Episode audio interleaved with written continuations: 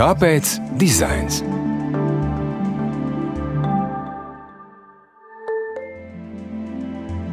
Esiet sveicināti raidījumā, kāpēc dizains jaunajā sezonā. Jūs uzrunāja Ilza Dobela un aicinu jūs atsaukt atmiņā izstādes apmeklējumu šajā vasarā, kurā varbūt jau esat bijuši, vai vēl to varat apskatīt tikai šonadēļ. Izšūta sarūsējusi benzīna kanna darbā, gaisā ir pavasaris, plasmasas vāciņa objekts, iztrūkstošais skats ainavā un vilnā izstrādāta laika cilpa. Metāls, plasmasa, vilna, metāla audums, filts un daudz citu materiālu, to savienojumu un tehnikas to izveidēja atklāja mums, cik daudzveidīga ir tekstila māksla un šķiedras māksla mūsdienās. Un māksla ar šiem paņēmieniem atbildēt uz jautājumu, ko vadis kurp ejam. Jau no jūnija vidus Latvijā rīt 7. Rīgas startautiskā tekstilmākslas un šķiedras mākslas trienāla, kas notiek no 2001. gada Eiropas tekstilmākslas asociācija par tās norisi izvēlējās Rīgu. Un studijā šajā dienā esmu aicinājis Vitu Birzaku, Mākslas muzeja Rīgas birža vadītājs vietniece un viena no trienāls izstādes kuratoriem, otra izstāde ir dekoratīvās mākslas un dizaina muzejā, un mākslinieci Ievu Krūmiņu, profesoru Latvijas Mākslas akadēmijas tekstila katedras vadītāju. Labrīt! Labrīt! Liels prieks, ka jūs varējāt šajā rītā atnākt. Nu, lūk, šis jautājums, ko vadis, kurp mēs ejam? Nu, drīz būs jau trīs mēneši trienālai Rīgā, starptautisks notikums. Vai jūs esat guvuši savu atbildi caur šiem darbiem, kur mēs ejam? Varbūt es sākšu. Jā, lūdzu, Vita. Tas ir uh, retorisks jautājums, kurš drīzāk mūs sapurina mazliet izsit no ierastās, pārāk komfortablās ikdienas sajūtas. Un man liekas, ka labi ir arī tas, ka abas mūsu izstādes vietas, dizaina muzeja un mākslas muzeja Rīgas birža, ir savienotas ar šo jautājumu arī šķūņu skārņu ielas kontekstā, jo tur ir vienkrāsaini karogi ar trīs valodās šo pašu jautājumu.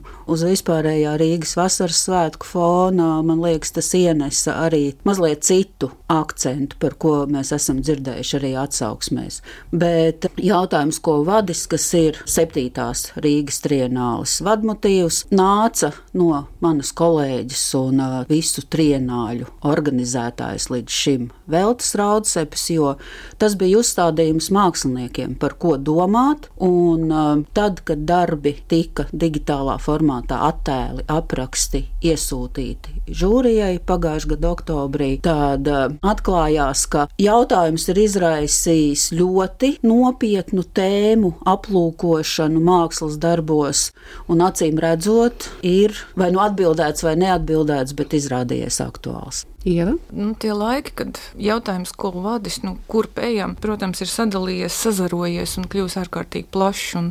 Māksliniekiem tās ir pārdomas no dziļi privātām, intīmām sfērām līdz globālām. Tiešām visplašākais tēmu lokus, kuras arī parādījās izstādes iekārtojumā, kā tādi vadmotīvi, un paldies kuratoriem, kurus arī grupēju šos darbus, palīdzot skatītājiem labāk orientēties izstādē.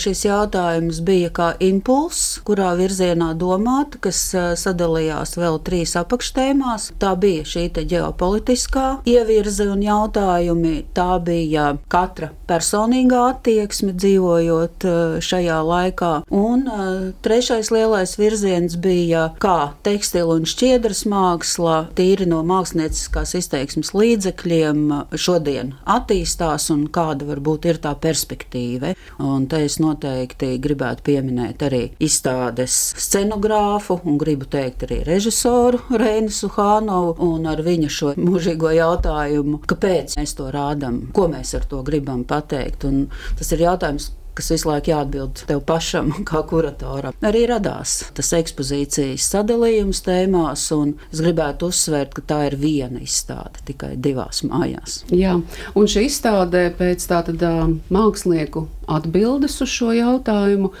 man personīgi sniedz tādu ļoti koncentrētā veidā atbildi uz manām personīgām sajūtām un arī pārdzīvojumiem par karu, par šo ģeopolitisko situāciju un arī par um, varas postu. Un šīs atbildes es līdz šim meklēju. Vai mazliet atkāpjoties tieši no šīs izstādes, kur daudz tam tika pievērsta uzmanība, vai jūs teiktu, ka Latvijā mēs pietiekami paši esam tagad pusotras gads kopš kara mūsu mākslinieki pievērsuši uzmanību šim jautājumam, vai esat tur pamanījušas, vai šis tomēr bija tāds visblīvākais šī tematikas atspoguļojums? Starptautiski noteikti visblīvākais, jo par kara tēmu runāja mākslinieki no dažādām valstīm. Latvijā es domāju, ka tas arī nu, nevar jau tā pēkšņi kaut kas izlekt ārā un rasties izstādes. Kaut gan Mākslinieku savienības galerijā ir bijušas izstādes veltītas kara tēmai, un es domāju, ka tas noteikti izpaudīsies. Tas ir tāda kā radiācija, kas uzkrājās nu, mūsos, ja mūsu apziņā, mūsu emocionālajā līmenī. Es pieņemu, ka mākslinieki par to vēl runās dažādos līmeņos, un dažādās sfērās un slāņos. Tas vēl tikai nāks ārā.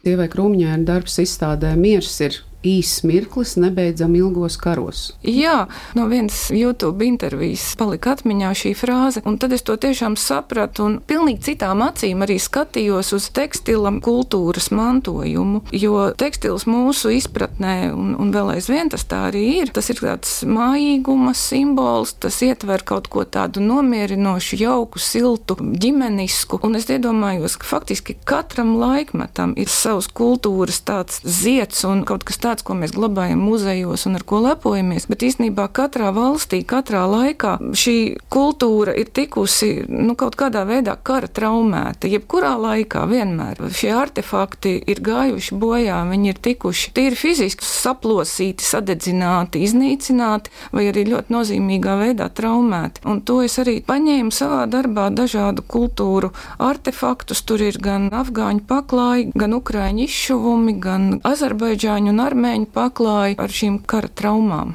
Jā, un Ievas darbs arī ir veidots no krāsota polietilēna. Un varētu teikt, ka mazliet domājot par mūsu laiku šķiedru, tā polietilēns arī varētu teikt, ir viena tāda ļoti dominējoša šķiedra mūsdienās?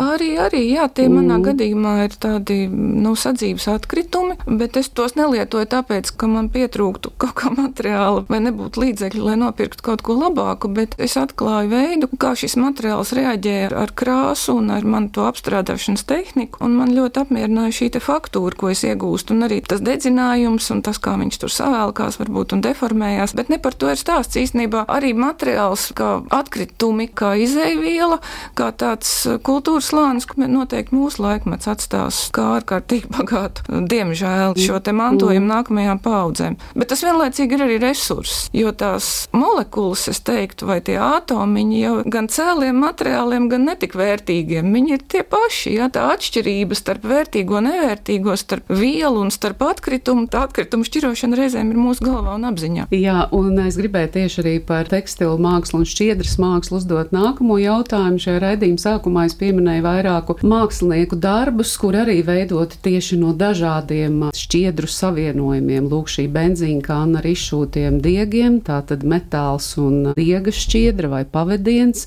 plasmasa kā materiāls un arī vilna un arī daudz cits jau nosaucām. Vai šis šķiedras māksla mākslas jēdziens, kas jau pievienojās trienāls organizēšanu piešķirot Latvijai 2001. gadā, jau tajā reizē bija skaidrs, ka šiem abiem jēdzieniem jābūt kopā - tekstila māksla un šķiedras māksla. Nu, tāds um, laikmetīgā tekstila virziens uh, strādā ar ļoti plašu materiālu arsenālu, kas ir uh, varbūt arī interesanti un rosinoši pati materiāla kapacitāte un uh, tas, ko māksliniekam materiāls kā tāds, arī materiāla estētika rosina ar to darīt.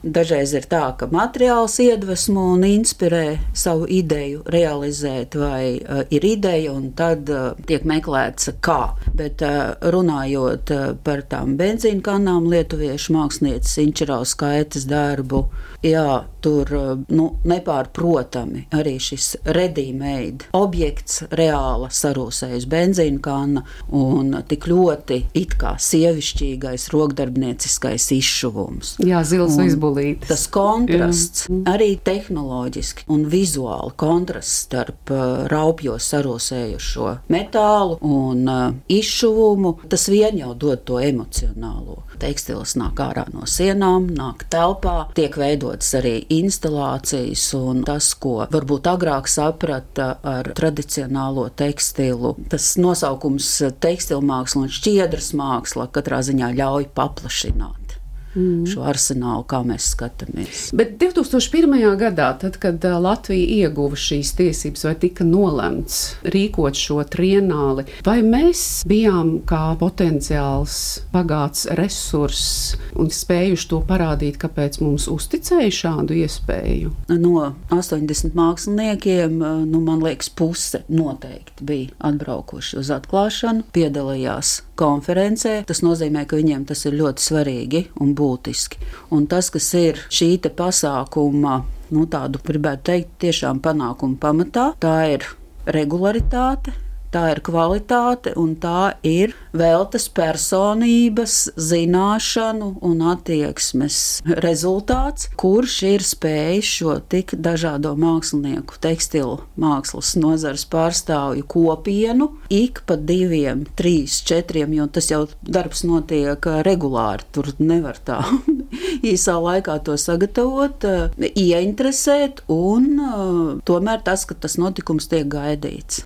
Ieva, jūs noteikti zinat vairāk to priekšvēsturi. Droši vien tādas precīzās detaļas noteikti ir jāprasa vēl tai raudzepai, bet, nu, jebkurā gadījumā tā tieši ir viņas personība, viņas uzņēmība, neatlaidība, spītība, prasme, nu, neatkāpties visu iespējamāko visādi grūtību priekšā, kādas ir nākušas. Tāpat arī tagad Covid divi gadi, kas aizkavēja trienālē notikt regulāri un nevienmēr finansiāli iespējas bijušas pietiekami lielas, bet, nu, fakts, ka ik pēc šiem trim gadiem uz Latviju atbrauc pat tiešām liela mēroga zvaigznes, vai arī tiek atvesti viņu darbi ārpus konkursa. Piemēram, mums ir bijuši Šīlas Hiksas darbi, nu tā ir pasaules slavena tekstilmākslinieca, kurai ir Amerikas muzejos un teita galerijā, un kur tik visur ir milzīgas izstādes, un viņas darbi ir bijuši arsenālā.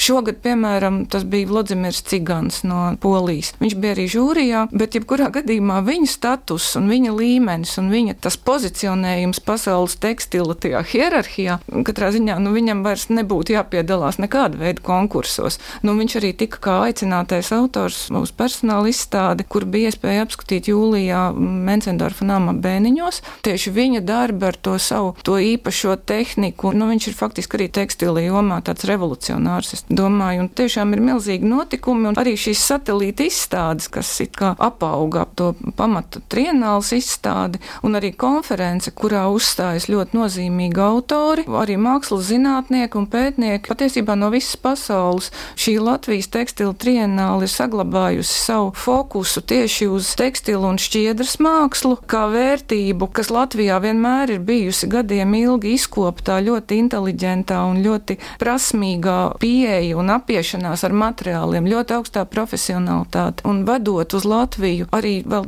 daudzus citus izcilus un profesionālus māksliniekus, nu, mēs savstarpēji bagātinamies skatāmies. Un šī noteikti ir Eiropas viena no nozīmīgākajām tagad tekstilu trienālēm. Kāpēc dizains?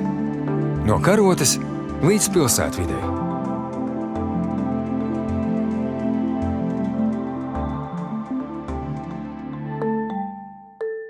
Gatavoties arī šai mūsu sarunai, um, skatījos uh, savus fotoalbumus uh, telefonā, jāpiebilst, gan, un arī atradu fotografiju no 2015. gada, kad uh, Venecijas bienālē mani ārkārtīgi iespaidoja um, Ganas mākslinieka Ibrahima Hanas darbs ārpus robežām, kur viņš ar simtiem tumšu džutas maisiem bija izklājis vienu no arsenāla šaurajām ejām, un tas vējoja tādā ēnainā vējā, šaurā ejā, un, un tas simbolizēja smago darbu kakao plantācijās un joprojām pastāvošo eksploatāciju ja, un nevienlīdzību pasaulē. Tā kā tā spēja ar tekstilu un ar šķiedru izpausties un izteikt dažādas domas tiešām ir ārkārtīgi iespaidīga. Un, protams, ka jūs jau pieminējāt, ka Trienālē pulcējās 79 mākslinieki no 30 valstīm, un Trienālē arī tiek izvēlēts labākais darbs. Un šajā gadā tā bija Lietuvas māksliniece Loreta Švaukaiskiene un viņas filca gobelēns dzelzs priekškars. Es negribētu viņu saukt par gobelēnu, jo tas nav gobelēns. Tas nav jā. gobelēns jā, jo tas ir šūts, man jau var palabot, tā kā filca uh mhm. -huh, audums. Jā, industriālais filts, jā. kas ir krāsots, dažādi apstrādāts ar dažādiem tekstilu pigmentiem un šūts. Un kurš vizuāli arī atgādina metālu, aprūsējušu netīru metālu, liela izmēra darbs, kas no vienas puses ir ļoti dekoratīvs, un es viņu pilnīgi iztēlojos, ka varētu būt arī kādā interjerā,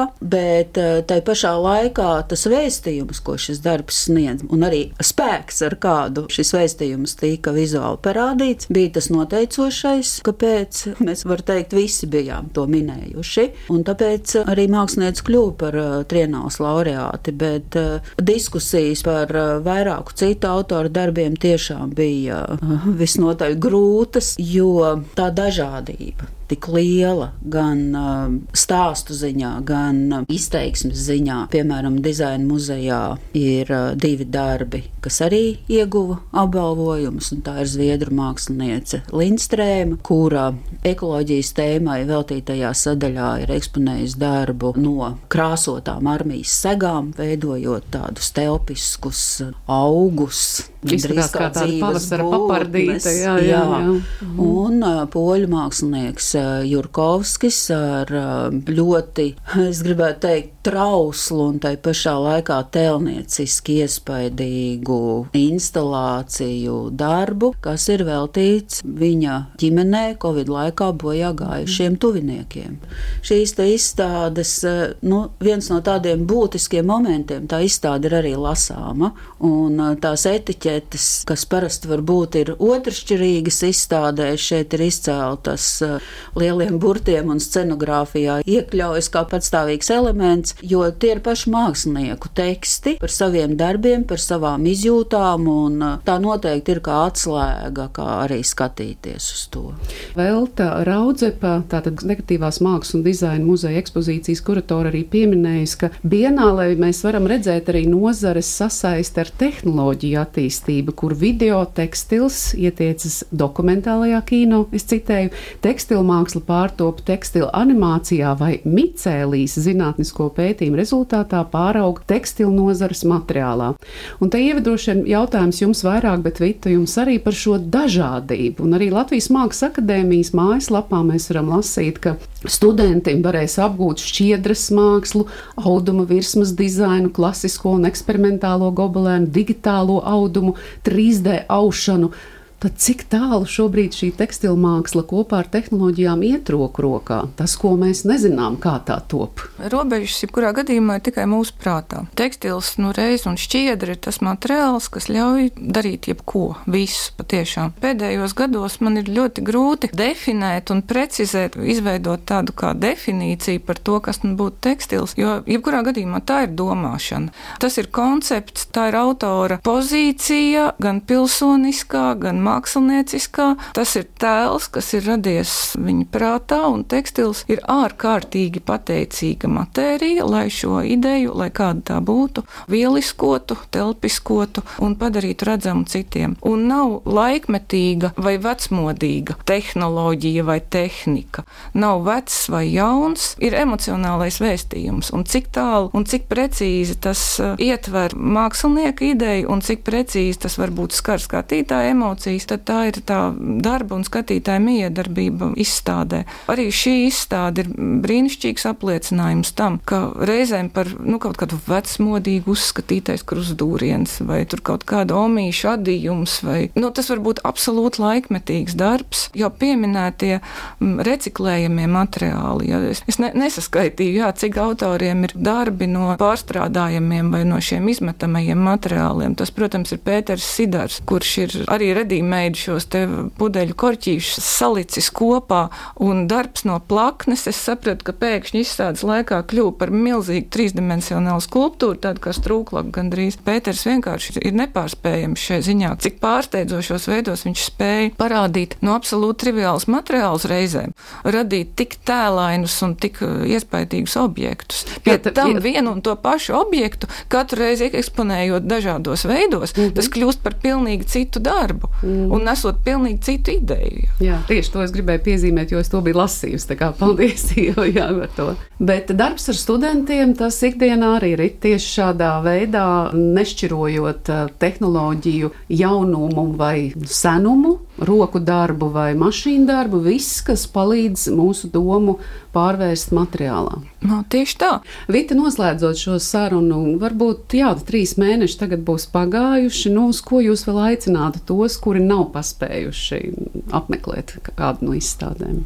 Es noteikti aicinātu apmeklēt abas izstādes, un uh, patiesībā mums uh, diezgan maz nu, tādā Latvijas vizuālās mākslas telpā ir tiešām nopietnas un sāpīgas lietas, par kurām tiek runāts tādā spožā vizuālā mākslas valodā. Un tekstila un šķiedras mākslas trienāle, manuprāt, nu ir tāda ekspozīcija, kas varbūt liek atkāpties no tradicionāliem priekšstatiem, dzirdot nu, šo vārdu virknējumu un izjust to, ar ko cilvēki, mākslinieki šodien dzīvo. Un uh, galvenais jau, jau tiešām ir tā ideja, un ko tad uh, vispār cilvēks meklē mākslā. Skatītājs, kas atnāk, viņam jau ir svarīgs tas vēstījums vairāk, un tad tikai tu sāc skatīties, kā tas ir tapis, kas tur ir izmantots un uh, trienālis, abas ekspozīcijas tieši man liekas ar to paņem, ar to stāstu.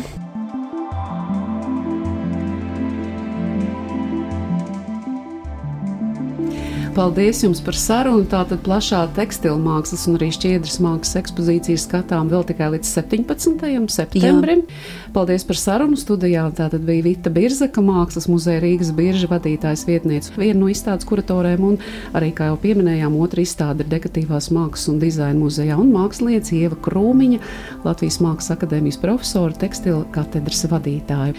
Paldies par atbalstu raidījumu tapšanā Kultūra Kapitāla fondam, kā arī Latvijas Radio 3 Latvijas komandai. Raidījuma skaņa Montē Judita Bērziņa, jūs uzrunāja Ilza Dobela uz tikšanos.